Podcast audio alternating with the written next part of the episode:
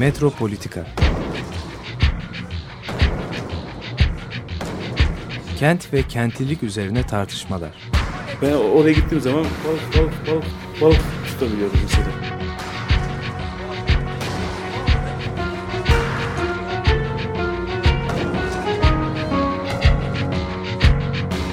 Hazırlayıp sunanlar Aysin Türkmen, Korhan Gümüş ve Murat Güvenç. Takusuyor ki. kolay kolay boşaltamadılar. Yani elektrikçiler terk etmedi Perşembe Pazarı.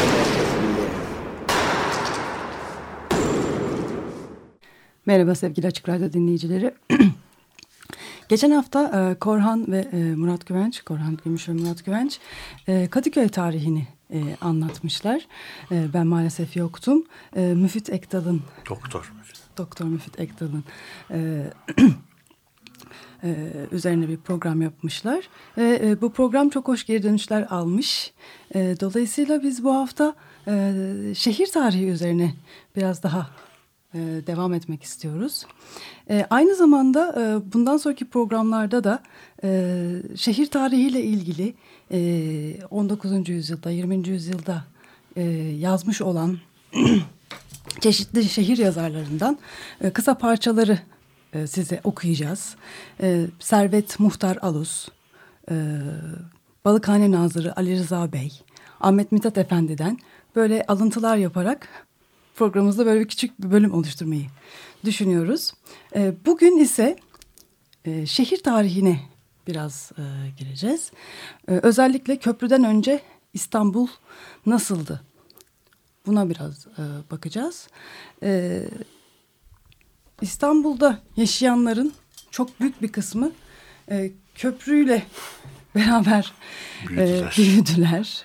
Köprüden kö sonra doğdular. Dolayısıyla köprü onlar için hayatlarında e, olmazsa olmazmış gibi bir e, konumda.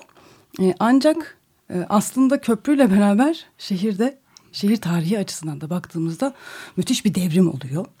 E, şimdi yeni bir köprüye de Arifesin. İstanbul e, yeni bir hazırlanıyor. Dolayısıyla bu köprü meselesi hayatımızda e, hani verili bir e, mesele aslında gibi duruyor ama öyle değil. Hani bugün bu farkı, bu köprüyle birlikte hayatlarımızda oluşan farklı yeni köprülerin neler olabileceğini tartışacağız. Köprüden önce İstanbul nasıldı? Evet, Murat Güvenç. Peki bu soru üzerine şey yapalım. Yani Aysim'in girişinden sonra dün geçen programında bize esinlendirdiği e, şeyden sonra bu şehir tarihini biraz daha ciddiye alacağız. Bu yaz rehavetinde yeni döneme, yeni dönemin hızlı temposuna hazırlanırken biraz e, daha rahat bir tempoda bu e, bu tartışmayı yapabiliriz diye düşünüyorum.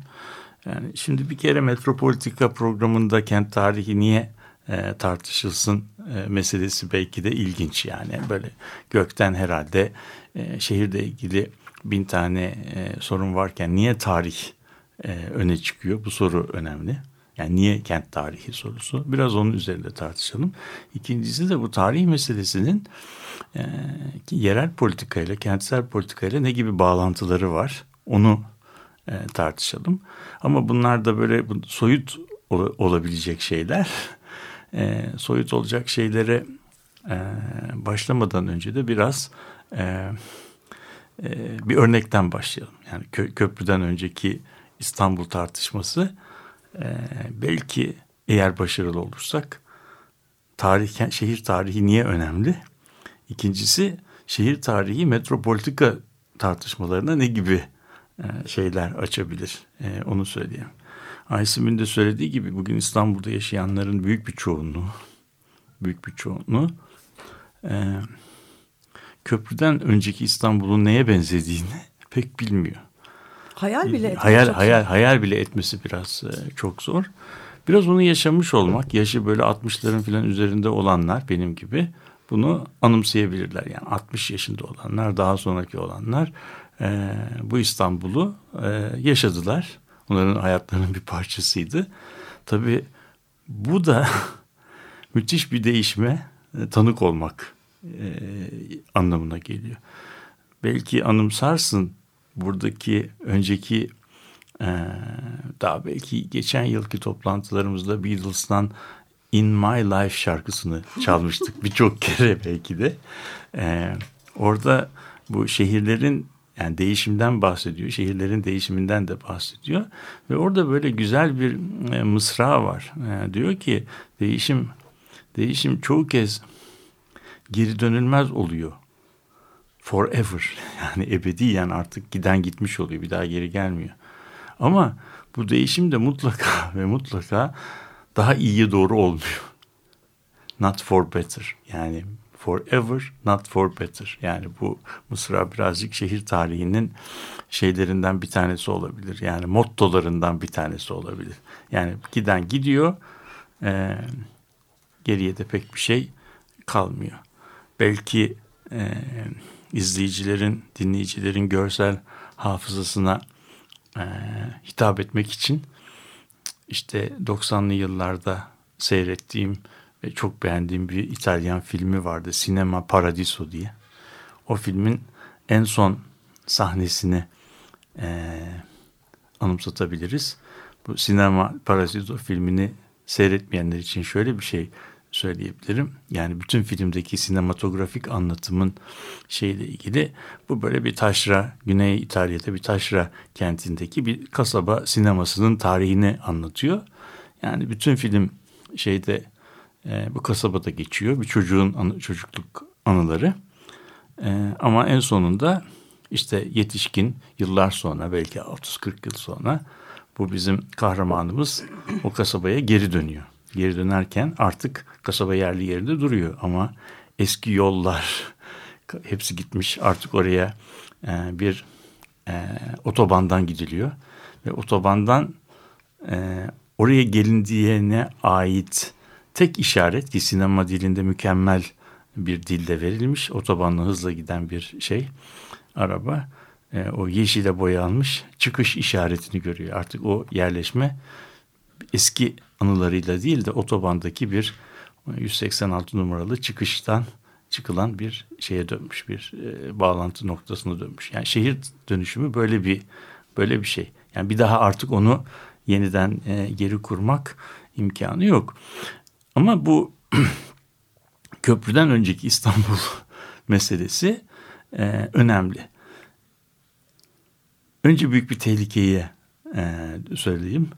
Ah güzel İstanbul eskiden ne kadar güzeldi e, işte böyle nostaljik bir şekilde ah bunların hepsini geldikleri yerlere geri göndereceksin. Bütün bu İstanbul'u elime yetki verseler hepsini yıkarım. Bilmem eski zamanları. Biz eskiden Dalyan'da denize girerdik. Türünden bir nasıl diyelim Nostalji. ucuz ucuz ama çok da ucuz yani. Öyle bir şey olmayan hiçbir geçerliliği olmayan hiçbir e, şeyi olmayan duygusal olarak anlaşılabilir ama biraz çocuksu bulduğum bir şey yapmayacağız yani. Ama bu köprüden önceki İstanbul nostalji yapılmadan da e, anlatılabilir. İşte belki bu programda onu e, deneyelim. Bu anlatımızda belki şeye işaret edecek. Yani yeni e, e eşiğinde olduğumuz büyük kentsel dönüşümleri de bizim neleri yitirebileceğimiz e, konusunda bazı ipuçları sağlayabilir. Eğer bunu sağlarsa bizim köprüden önceki İstanbul şeyi e, anlatımız biraz böyle şeye gitmemiş olur. E, havaya uçmamış ve ucuz bir nostalji olmamış olur.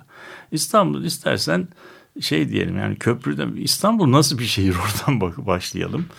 Ee, köprü köprü ve boğaz meselesini biraz e, anlaşalım ve İstanbul'u bu biraz coğrafi olarak okumaya çalışalım. Oradan bu köprü meselesine doğru gelelim.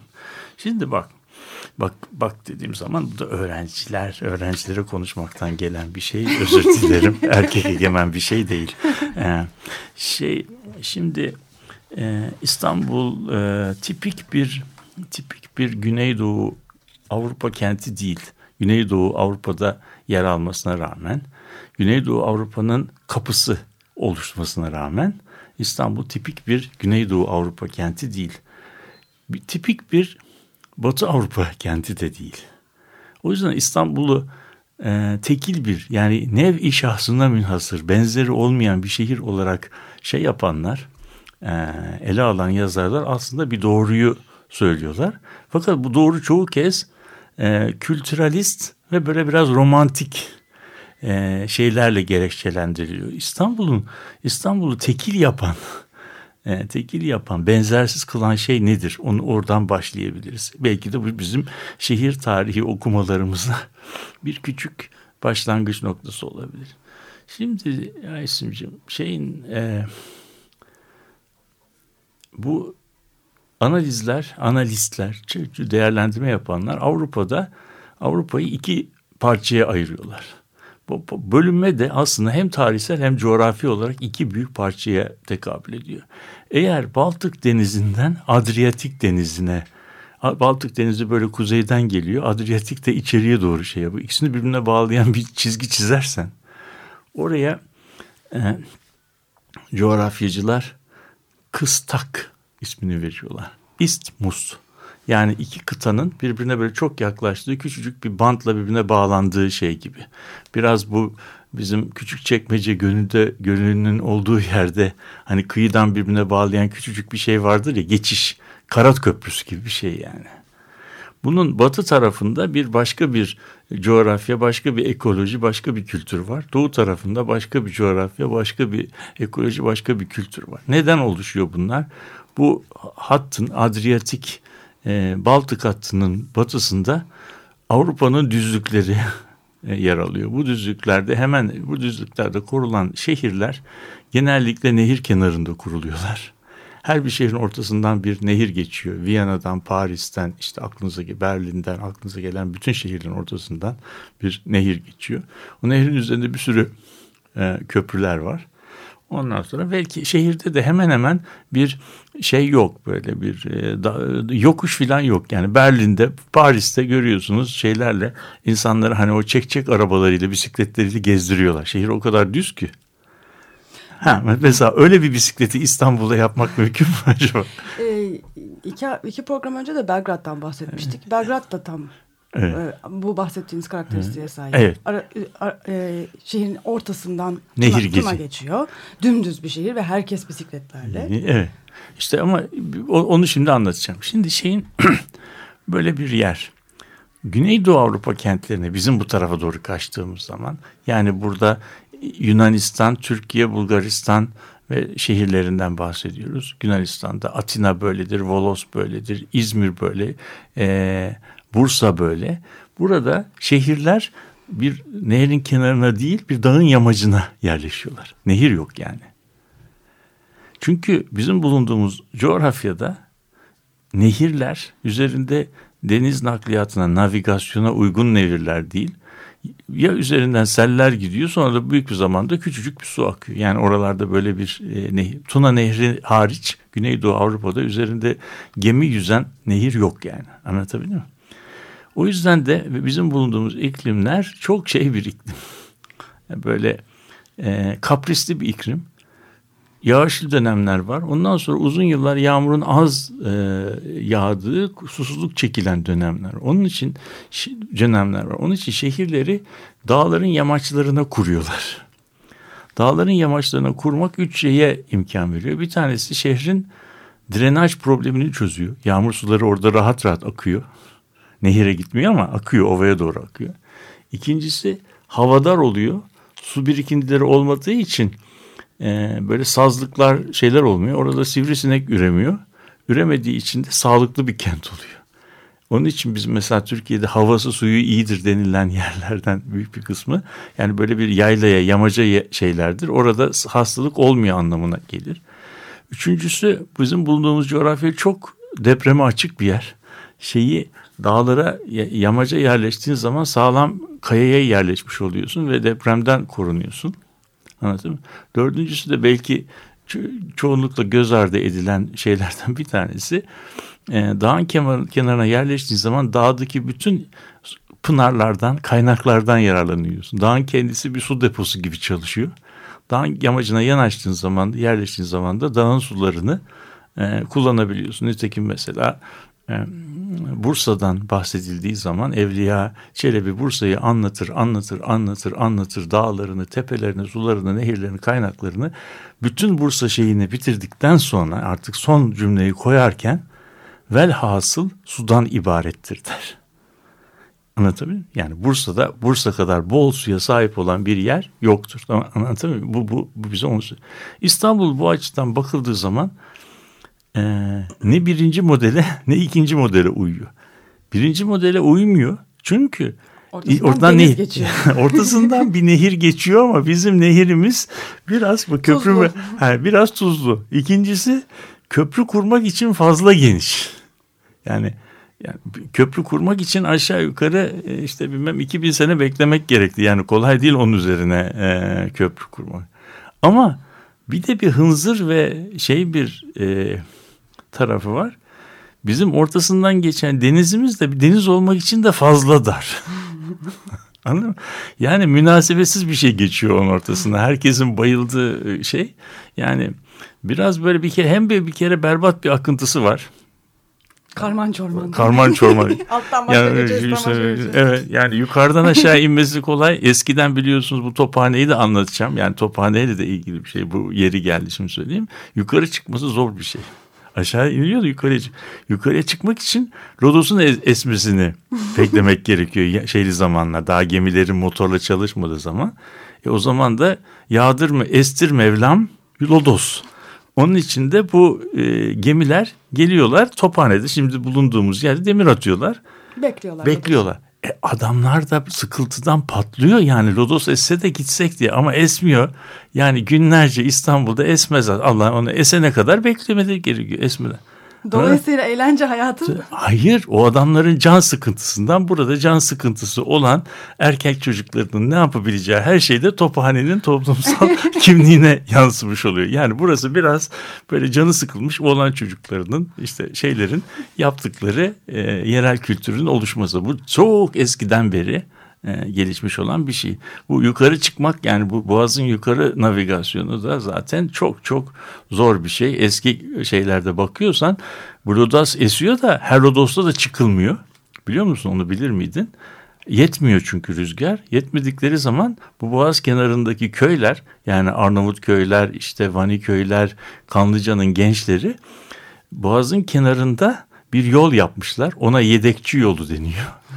E, o köylü şeyler çocuklar rüzgarın yavaş estiği yerlerde gemilere şey veriyorlar. Gemilerden halat alıyorlar ve halatı yukarıya kadar yani birkaç kilometre çekip o halatları başka köyün e, gençlerine e, şey yapıyorlar. Bu şekilde boğazdan yukarıya gemiyi çıkarken yardım alıp bahşiş alıyorlar. Birçok yalının da önünden bir kamusal yol geçiyor. Ona yedekçi yolu deniyor. Onu bazı fotoğraflarda görmek mümkün yani. Şey- çekiyorlar. Yani. Çeki, çek, gemiyi yukarı yani rüzgar biraz yardım ediyor. Çekemezler ama rüzgar yardım ediyor ama yetmiyor. Yani o durumda. E- Eğer rüzgar esmezse çekmelerine imkan yok. Ama rüzgar esiyor fakat yetmiyorsa kıyıdan biraz yardım vererek gemiyi yukarıya doğru çekiyorlar. Anlatabiliyor muyum? Yani bu şehrin içerisinde ve bu yollar da bugün İstanbul kültürünün bir parçası birçok yalının önünden bu yedekçi yolu geçiyor. Yani yalı sahille olan ilişkiyi yüzde yüz koparamıyor bu yedekçi yolu nedeniyle. Önünden bir küçük yaya yolu geçiyor. Anlatabiliyor muyum? Bunu- Sahil yolu varmış yani. ya daha var tabii bunun örnekleri de var. Yani mesela bu kent tarihi bize bu kıyıların neden kamuya açık olması gerektiği konusunda da bazı küçük ipuçları veriyor. Neyse bunu bunu anlattık. Bu e, boğazımızın biraz e, e, nehir olmak için fazla geniş, deniz olmak için fazla dar bir yer olduğunu biraz anlattık. Şimdi ikinci tarafına gelelim. Ortasından nehir, nehir geçiyor ama biraz zor bir nehir. İkincisi bizim şehrimizin e, du- düz yeri yok ama dağı da yok. yani bu İstanbul tamamen yani Bursa gibi bir dağa sahip bir yer değil. Aslında böyle bir yerde böyle bir şehrin olmaması gerekir idi. Bütün o boğazın sağladığı şeye rağmen bir kere boğaz söylediğim zaman yelkenli açısından çok da böyle mükemmel bir şey değil. Nitekim boğaz olan her yerde böyle kuzey güney geçişin olduğu her yerde büyük bir şehir oluşmuyor. Örnek vermek gerekirse Çanakkale ve Gelibolu'yu düşünelim. Orada da kocaman bir boğaz var. Oradan da gemiler geçiyor. Fakat tarih boyunca orada hiçbir önemli bir şehir olmamış. Peki İstanbul'u İstanbul yapan nedir diye baktığımız zaman İstanbul'u İstanbul yapan şey Boğaz da değildir, nehir de değildir. İstanbul'u İstanbul yapan şey Haliç'tir. Haliç kadar önemli, güvenilir, derin, kullanışlı bir limana sahip bir başka şehir bulmak mümkün değildir. Aynı zamanda Haliç belki bir şehrin sahip olabileceği en güzel de, surlardan bir tanesidir. Deniz tarafı e, doğudan ve güneyden denizle çevrili, kuzeyi de bütünüyle Haliç. Onun için şeyler Bizanslılar sadece Tophane'den şeyden Topkapı'dan e, şeye kadar Kazlı Çeşme'ye kadar önemli bir kara, kara suyu yaparak şehri mükemmel korunaklı bir şehir kurmayı başarmışlar ve 1453'e kadar da kimse bu şehri almaya e, şey olamamış. Yani 1500 senede o şeye dayanmış. Yani İstanbul'un İstanbul'u yapan şey. Bu Haliç'te tabii inanılmaz bir şey. İnanılmaz bir ticaret olanağı veriyor. Çünkü etrafımızdaki hiçbir yerleşmenin Haliç kadar güvenli, Haliç kadar kullanışlı bir limanı yok. Kuzey sahili, birazdan kuzey sahili çok derin bir şey Haliç'in. Onun için orada tersaneler yapılıyor. Gemiyi oradan kolaylıkla alabiliyorsun. Hemen denize atabiliyorsun. Şeyde Bizans zamanında da orada tersaneler. Galata'da kurulan küçük kolonide çok derin olduğu için e, gemi hemen sokağın kenarına yanaşı veriyor. Dünyanın başka pek çok ülkesinde böyle bir imkan yok. Şimdi sokağın içinden görüp de koskocaman transatlantiklerin iki metre öteye yanaştığını görebiliyoruz biz Tophane'de veya Karaköy'de. Böyle bir manzara dünyanın hiçbir şu pek çok ülkesinde görülemiyor. Çünkü bizim Akdeniz'de e, gel git olayı var ama çok az etkilemiyor. O yüzden de şehir denizle e, ilişkisi çok kuvvetli. Peki dağının olmaması ne problem yaratıyor? Dağının olmaması İstanbul'un kuruluşundan beri müzmin bir su sıkıntısıyla yaşamasına sebep oluyor. Dağı olmadı. Onun için İstanbul'a baktığın zaman su depoları, sarnıçlar, işte şeyler su kemerleri, Bozdoğan su kemerleri, Mavlova kemerleri yani şehrin içine su temin etmek bir büyük problem. Anlatabiliyor muyum? Suya erişimde İstanbul'un sosyal coğrafyasının en önemli bir şeylerinden bir tanesi. Şimdi bizim köprüden önceki İstanbul meselesine biraz e, yaklaşabiliyoruz. Köprüden önceki İstanbul'a geldiğimizde işte İstanbul böyle. Peki bu İstanbullular nerede oturuyorlar diye baktığımız zaman 19. yüzyılın başlarına baktığımız zaman 100 İstanbulludan belki 85'i tarihi yarımadada oturuyor. Of. %85'i. Yani %50'si diye düşünüyorum. Aa, %85. Çok ha. yüksek bir. Peki sen 5. Peki yani, onu, onu e, rakam söylersek ha, yani 300 bin kişinin işte 250 bin kişi de orada yaşıyor. Toplam 300 bin kişi. Bunun başında nüfusumuz nüfusumuz 300 bin İstanbul'un ve o zaman Avrupa'nın önemli bir şehri zannediyor büyüyor. 300 binlik bir İstanbul düşünün yani. Bugün İstanbul'un bir ilçesi 300 binden büyüktür de yani şimdi 300 binlik bir şeyden bahsediyoruz. Peki karşı tarafta kim kaç kişi oturuyor? Yüzde 80'i 85'i orada oturuyor. Karşı tarafta yüzde 7-8 yani Galata. Galata dediğimiz yerde de şöyle düşünmek lazım. Galata'nın etrafında sur olan bir koloni var Galata'da. Surun en tepe noktası da Galata Kulesi. Yani denizden Galata Kulesi'ne kadar bir yani yüksek kaldırım böyle çıkıyor. Galata Kulesi'nden bugün Sen Benova Mektebi'nin olduğu yere kadar bir de Azap Kapı dediğimiz şey tarafına kadar o e, şeyin olduğu ters, cami altı tersanesinin bulunduğu yere kadar da bir duvarı olan bir şehir. Küçücük bir yer. Orada da nüfusun yüzde yedisi falan oturuyor. Son derece yoğun bir bölge. Burada daha çok işte Cenevizliler, Levantenler falan oturuyor. Geriye kalan yüzde yedi civarında 708 nüfusta Üsküdar'da oturuyor. Üsküdar'ın o dönemde çok önemli olmasının sebebi de kervan yolları oraya geliyor. İzmit İstanbul yolu oraya geliyor. Orada büyük hanlar var. Orada bozuluyor ve e, yani kervanlar bozuluyor ve gemilere yükleniyor. Büyük bir kısmı da şey uluslararası e, uluslararası ticarete gidiyor. Bu Üsküdar çok tarihi bir yerleşme. İsmi de e, Latince squadron yani Tugay kelimesinden geliyor. bir askeri birlik varmış Roma döneminde. Onlar da bu uluslararası ticareti koruyorlar. Yani bu kervan yolları geliyor Üsküdar'da bozuluyor diye. Kadıköy'ün gelişmesi falan çok daha sonradır. Anladın mı?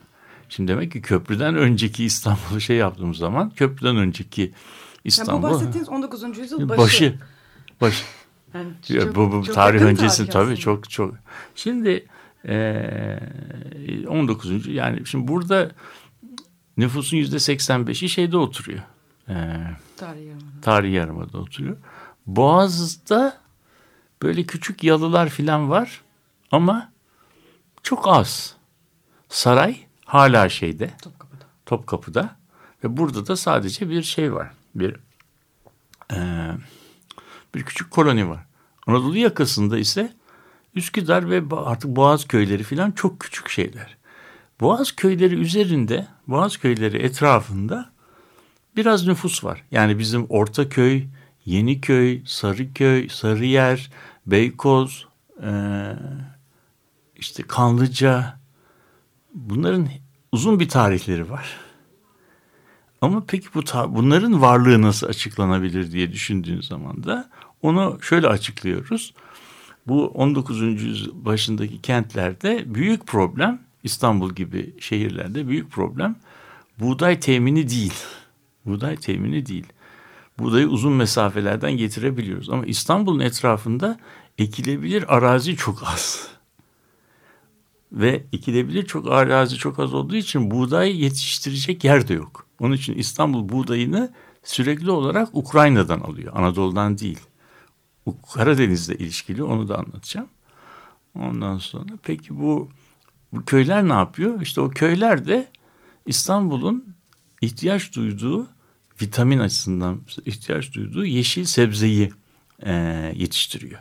Yani biz mesela bugün İstanbul'un folklorunda olan Arnavutköy'ün çileği, işte Beykoz'un paçası, bilmem Beykoz'un e, cevizi, işte Çengelköy'ün bilmem salatalıkları filan dediğimiz şeyler hepsi o dönemden kalma şeyler. Orada yetiştiriliyor ve orada yetiştirilen şeyler tırnak içinde söylediğimiz pazarcı kayığı denen kayıklarla Boğaz'dan aşağıya akıntıyla hızla sabahları işte Eminönü'ne getiriliyor. Eminönü'nde şehrin büyük bir hali var. Hal var. Balık pazarı denilen bir yer. Bugün yerinde yerler esiyor. Yani bu, bu hal dediğimiz şey e, bugün bugünkü e, Eminönü Köprüsü'nün aşağı yukarı başladığı yerden ba- başlayıp ta Unkapanı Köprüsü'ne kadar ilerleyen bugün park olan yerin tamamı İstanbul'un şey e, nasıl diyeyim çarşısı pazarı. Yani böyle orada balık pazarı. Balık pazarı dediğimiz yerde satılanlar işte balıklar e, İstanbul'un ihtiyaç duyduğu çürüyebilir mallar ki bunlar sebzeler taze sebzeler e, aynı zamanda süt ürünleri yağ şeyler yani e, hayvani yağlar tereyağlar filan e, meyveler Ege adalarından gelen meyveler ve de e, tütün e, Mısır'dan gelen hasır. Hasır çok önemli. Hasır papirüsün yapıldığı bitkiden yapılıyor. İşte orada orada böyle iskeleler de var. Tütün iskelesi, limon iskelesi, yemiş iskelesi. İşte o iskeleleri geliyor. O iskelelerde de oradan şehre dağılıyor. Hasır meselesinde de hemen parantez açalım. Hasır çok önemli.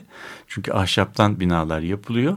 Hasır camilerde taşla halı arasına konuyor ki insanlar rahat bir e, ortam, bir izolasyon sağlıyor. Hasır aynı zamanda evlerde şeyle ahşap ile yaşama mekanının arasına konuyor ki bir çeşit soğuğa karşı izolasyon sağlasın. Yani bir e, hasır böyle bir şey. Çok da önemli bir malzeme.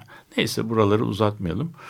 E, şehrin nüfusu e, bütün bu şeyde 19. yüzyıl içerisinde 300 binden 1907'de 1.2 milyona yükseliyor. Yani 19. yüzyıl aslında şehrin nüfusunun 3 kat arttığı bir dönem. Osmanlı İmparatorluğu büyük e, şeyler idari açıdan sıkıntılar yaşarken o imparatorluğu idare etmek için işte Mısır'la problemleri var. Ruslarla 93 harbi var. İşte Rumeli'de e, şey alan kayıpları var.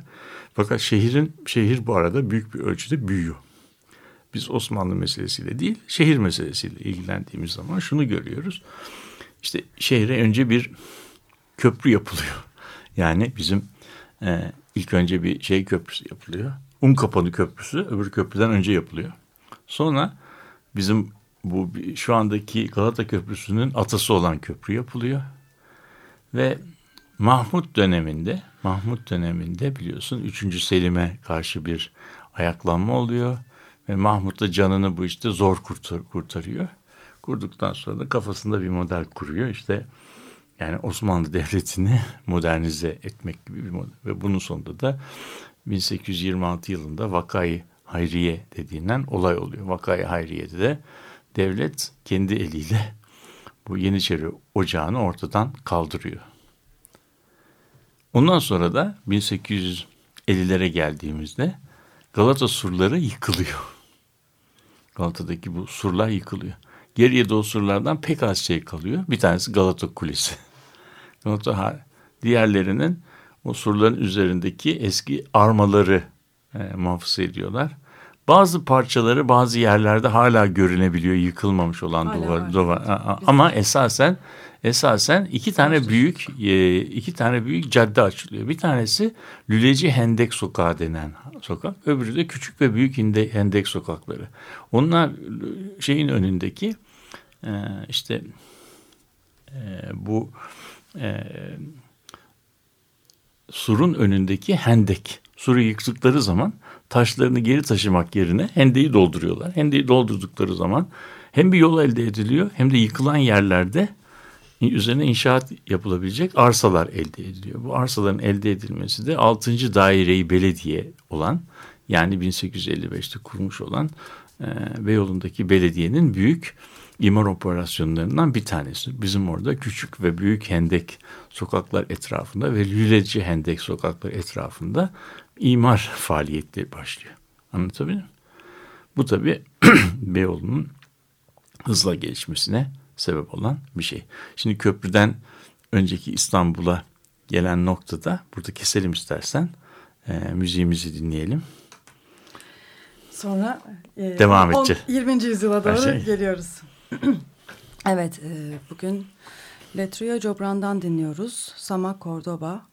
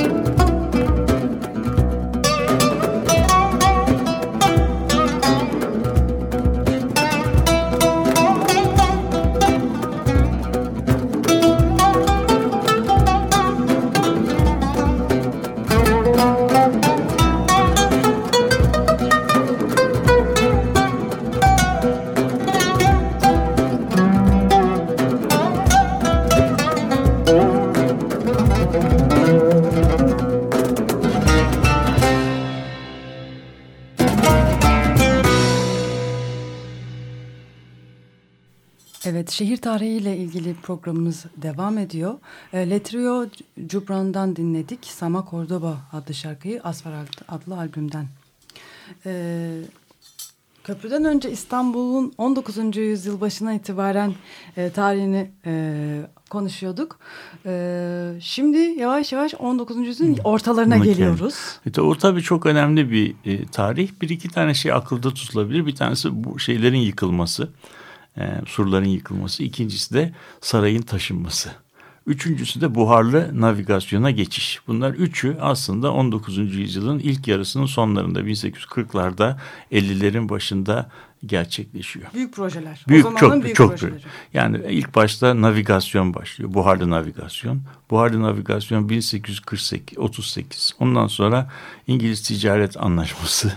Ondan sonra Osmanlı reformu denen işte tanzimat başlıyor. Yani dünya sistemiyle eklemlenme biçimi değişiyor şeyin Osmanlı İmparatorluğu'nun. Saray bu durumda yeni e, yeni padişah e, Dolmabahçe Sarayı'nı yaptırıyor ve saray bir daha geri gelmemek üzere Topkapı'dan çıkıyor. Çıkmasıyla beraber e, çıkmasıyla beraber Boğaz başlıyor. teşvikiye teşvikiye dediğimiz yeni bir mahalle kuruluyor ve Ortaköy yönüne doğru da yeni saraylar yapılıyor. Feriye yani tahta çıkma imkanı olmayan Osmanlı aristokrasisi için e, yani saray hanedanı için şey yapılıyor. Saraylar yapılıyor. Feriye sarayları.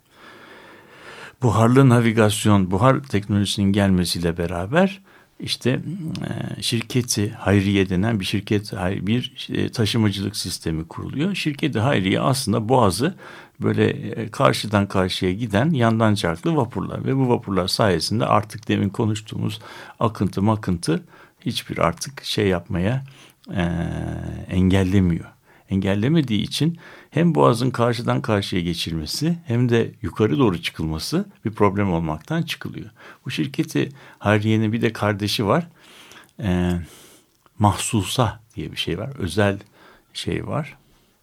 Daha sonra bu, bu mahsusa ve hayriye ikisi beraber bizim şehir hatları e, idaresinin bunlar ataları.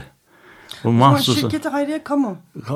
Yani bir özel şirket kamu tarafından kurulan bir şirket ama Boğaz, Boğaz'a hizmet ediyor. Mahsusa da Kadıköy'e ve adalara şey yapan bir şirket. Ve bu mahsusa sayesinde insanlar artık Kadıköy tarafına gitmeye başlıyorlar.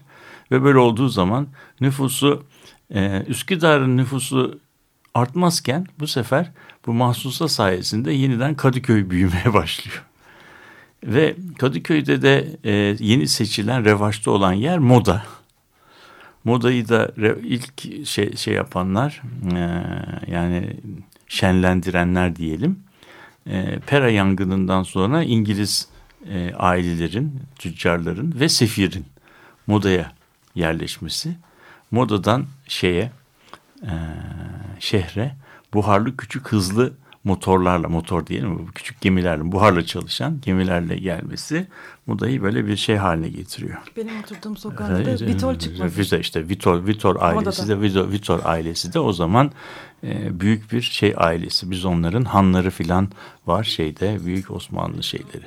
Şimdi e, bu sistem bu sistem e, 1890'lara kadar bu biçimde gelişiyor. Ama Osman şeyin yine de e, şeyin Anadolu yakasının e, toplumsal açıdan çok büyük bir çekiciliği yok. Çünkü ancak çok çok zenginler bu, bu, bu şeyden yani bir tarafta oturup bir tarafta çalışma e, lüksüne sahip oluyorlar. 19. yüzyılın e, son 10 yılına gelindiği zaman 1890'lara gelindiği zaman işte İzmit'e kadar e, Anadolu Demiryolları yapılıyor.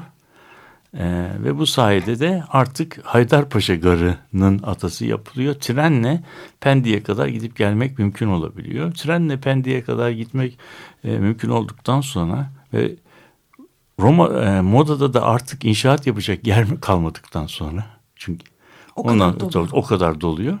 Ondan sonra yeni e, şeyler, aileler ki bunların içerisinde mesela Bot, Botter gibi e, padişahın şeyleri var, terzileri var. E, şeyde İstiklal Caddesi'nde hanları olan bu Botter ailesi. Onlar e, padişahtan bir e, izin isteyerek Fener yolundan e, Fenerbahçe'ye ilerleyen bir kılçık, bir hat yaptırıyorlar. Hat boyu denen yer oradan geliyor. Ve oradan e, Fenerbahçe'den trenle Haydarpaşa'ya gitmek mümkün olabiliyor. O zaman da Fenerbahçe de bir yerleşme haline geliyor. Yerleşiyor. Bottar ailesi. İşte böyle onun gibi Osmanlı şeylerinde. Fenerbahçe'de de Tütü büyüdüm. dönüyor. işte mesela şeyde bazı dönem o dönemin zenginleri bir tanesi bugün bir sokağa adını vermiş olan Tütüncü Mehmet Efendi. O da Göztepe tarafında büyük araziler alarak orada bir çeşit developerlık yapıyor. Annem İstasyon, orada- orada istasyon etrafında Tütüncü Mehmet Efendi. O da o da bir büyük Osmanlı şeyi yani imar girişimcisi. Bu şekilde istasyonlar etrafında e, böyle tespih taneleri gibi küçük küçük yerleşmeler oluyor ama nüfus yine de çok az. 1920'lere gelindiği zaman Anadolu yakasında yaşayan nüfusun hesabını yapmadım ama %12'den fazla olmaması gerekir. Minibüs yolu bir şeydi yani benim çocukluğumda. Size de geçen seferde anlattım. Yani şeyin 1946'nın hava fotoğraflarına bakıldığı zaman ne kadar boş olduğunu görebilirler. Bu arada seyircilere şeyi söyleyelim. İstanbul, İstanbul dinleyicilere İstanbul web sitesinin belediyesinin web sitesinde İstanbul rehberinde İstanbul'un e, farklı tarihlerdeki e, hava fotoğraflarından izlemek mümkün. Yani 1946'daki Anadolu yakasının neye benzediğini biraz o fotoğraflardan izlemek mümkün tavsiye ederim. Çok yararlı bir şeydir. Şimdi biz bu köprüden önceki İstanbul'a geldiğimiz zaman herhalde İstanbul'un e, Anadolu yakasının 1923 ila 70 arasında geçirdiği 50 yıl çok nasıl diyelim durağan şey böyle huzur veren ondan sonra şehrin gürültüsünden patısız, patırtısına bulaşmamış biraz mesire yeri bir yer. Yani o, o Kadıköy yakası böyle ancak uzun seyahatleri göze al, alan insan geniş aile şeylerinin e, reislerinin oturmayı seçebilecekleri şey. Eğer mesela orada bir araziniz varsa, şehirde bir işiniz varsa, aileniz orada oturuyor. Siz işte trenle gidiyorsunuz. Bir, bir buçuk saatte iş yerinize varıyorsunuz. Bir buçuk saatte geri, yani günlük bir buçuk saatten iki, üç, iki buçuk saat, üç saati yolda geçirmeyi kabul ediyorsanız Anadolu yakası oturul yaşanabilecek bir yer. Tabii öyle olduğu için de şehre hem çok yakın coğrafi olarak hem de zaman olarak çok uzak bir yer. Kimler burada yaşıyor? Mesela işte bunların burada varlıklı insanlar oturuyor. Tahsilli, kültürlü insanlar oturuyor. Biraz kafa dinlemeyi önemseyen, kira, ki yani huzur, şehir huzurunu, yeşilliği, meşilliği önemseyen insanlar, yazarlar, çizerler, emekli devlet adamları, biraz böyle iş hayatında başarılı olmuş şeyler. Geçen toplantıda geçen toplantıda bunların kim olduğunu biraz Korhan'da Korhan'ın ailesi. Korhan ailesi gibi. Benim ya, babam da aynı şekilde evet, biz, Anadolu ben, ben seçiyor. doğru. Şimdi böyle öyle biz de bizim işte o yüzden hepimiz Anadolu yakasında oturduğumuz için biz biraz İstanbul'a karşıdan bakan İstanbullulardır. Bu biraz dile de yansımıştır. O Kadıköylüler nasıl bakarlar kendilerini. Ondan sonra yani Kadıköylüler İstanbul'a gitmek demezler de karşıya geçmek derler. yani İstanbul'un adını da almazlar, anmazlar. Yani karşıya geçerler. Ondan sonra yani İstanbul'a inerler. Hayır, İstanbul'a iner inilir, karşıya geçilir. Yani İstanbul'a iniyorlar. Yani vapura biniyorlar, İstanbul'a iniyorlar. Vapurdan inmekle ilgili bir şey var. Biraz da Parislilerin e, kullandıkları bir deyimdir. Bu Fransa'dan, Fransızcadan gelmiş olması lazım. Parisliler oturdukları yerin dışına çıkıp da biraz uzakta bir yere gittikleri zaman oraya iniyorlar. İndikleri yer dağın tepesi bile olsa oraya iniliyor. Downtown da herhalde yani, yani başka bir şey ama yani bu ben kendimi yukarıda görüyorsam biraz elit olarak gittiğim yere iniyorum. Orayı şereflendiriyorum tamam mı? Ama dönüşte oraya çıkıyorum demiyorlar karşıya geçiyorum. Yani İstanbul'dan geri dönüş karşıya geç, geçmek şeyinde oluyor. Şimdi tabii bu 30 yıl 50 yıl süren e, İstanbul'a karşıdan bakmak Kadıköy şeyinin Kadıköy'ün tarih Kadıköy'de muazzam bir yerel kültürün oluşmasına sebep oluyor. Birkaç tane sebebi var. Burası çok fazla e, yani insanların oturduğu bir yer. E, ama sınıfsal olarak da üst orta sınıfın oturduğu bir yer. Onun için mesela e, yüksek tırnak içinde bir statü profili var. Ama araziler de bu statü profilinin ima ettiği kadar pahalı değil. Çünkü talep az. Parseller de o yüzden büyük oluyor. Yani o yüzden de insanlar kendilerine bahçe içinde evler yaptırabiliyorlar. Öyle iliş tıkış evler yapılamıyor. Mesela bu sistemin yeniden ha, hala üret... bile. Evet, tabii. Hala bile daha düşük fiyatlar, emlak fiyatları. evet. E çünkü bir, bir, hala bir mesafe var yani. Şeye bakarsanız da işte Saint Joseph Mektebi gibi, Haydarpaşa Lisesi gibi büyük arazi kullanan e, kurumlar oraya veriliyor. İşte bu insanların çocukları da orada okuyorlar.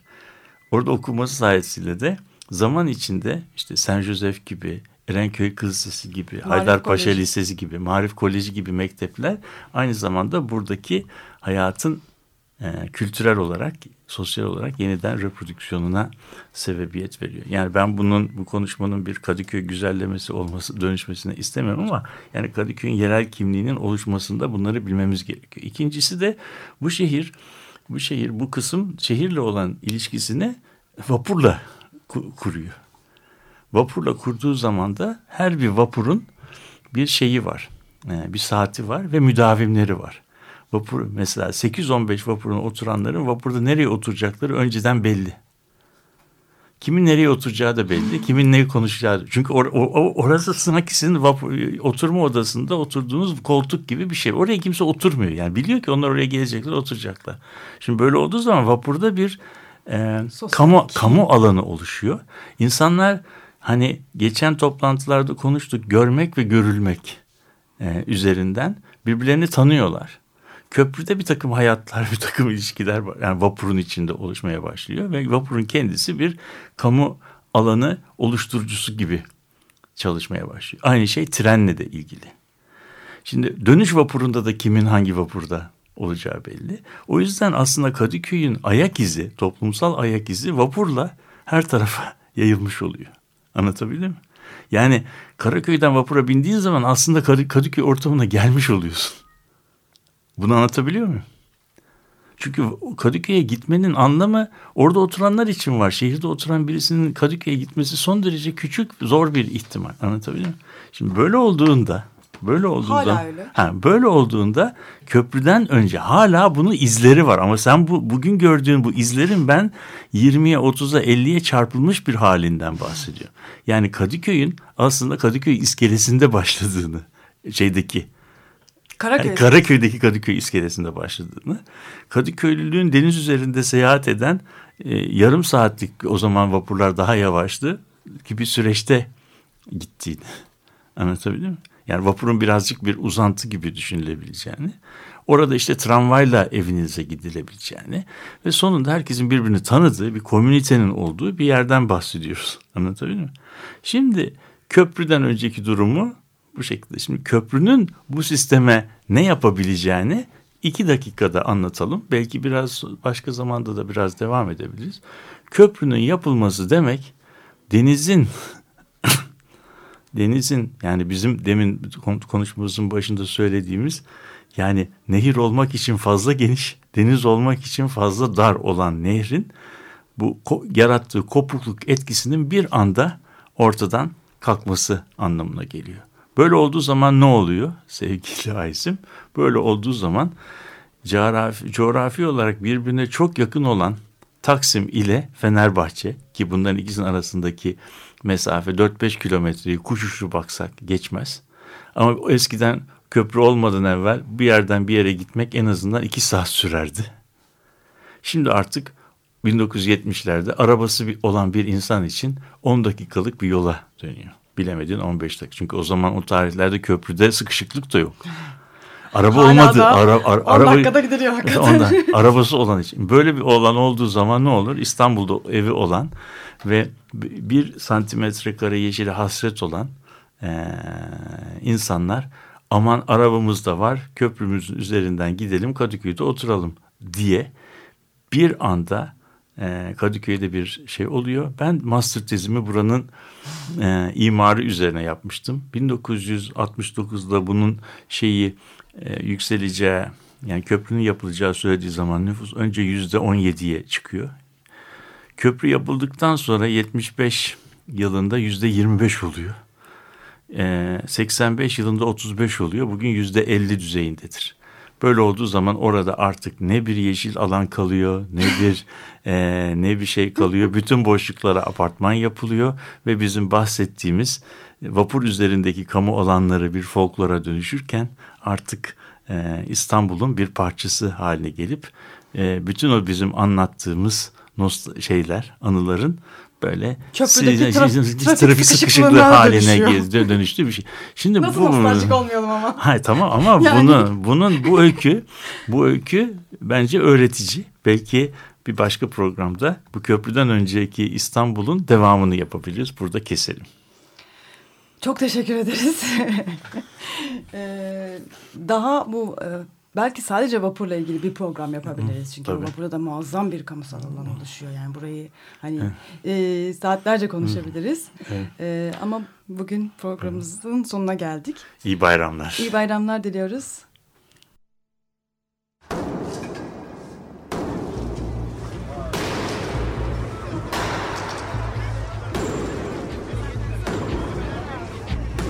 Metropolitika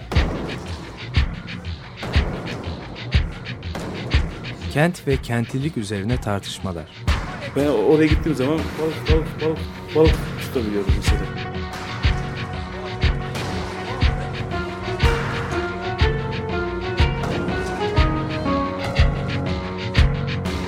Hazırlayıp sunanlar Aysin Türkmen, Korhan Gümüş ve Murat Güvenç. Takusuyor ki. Kolay kolay boşaltamadılar. Yani elektrikçiler terk etmedi Perşembe Pazarı merkezini. Açık Radyo program destekçisi olun. Bir veya daha fazla programa destek olmak için 212 alan koduyla 343 41 41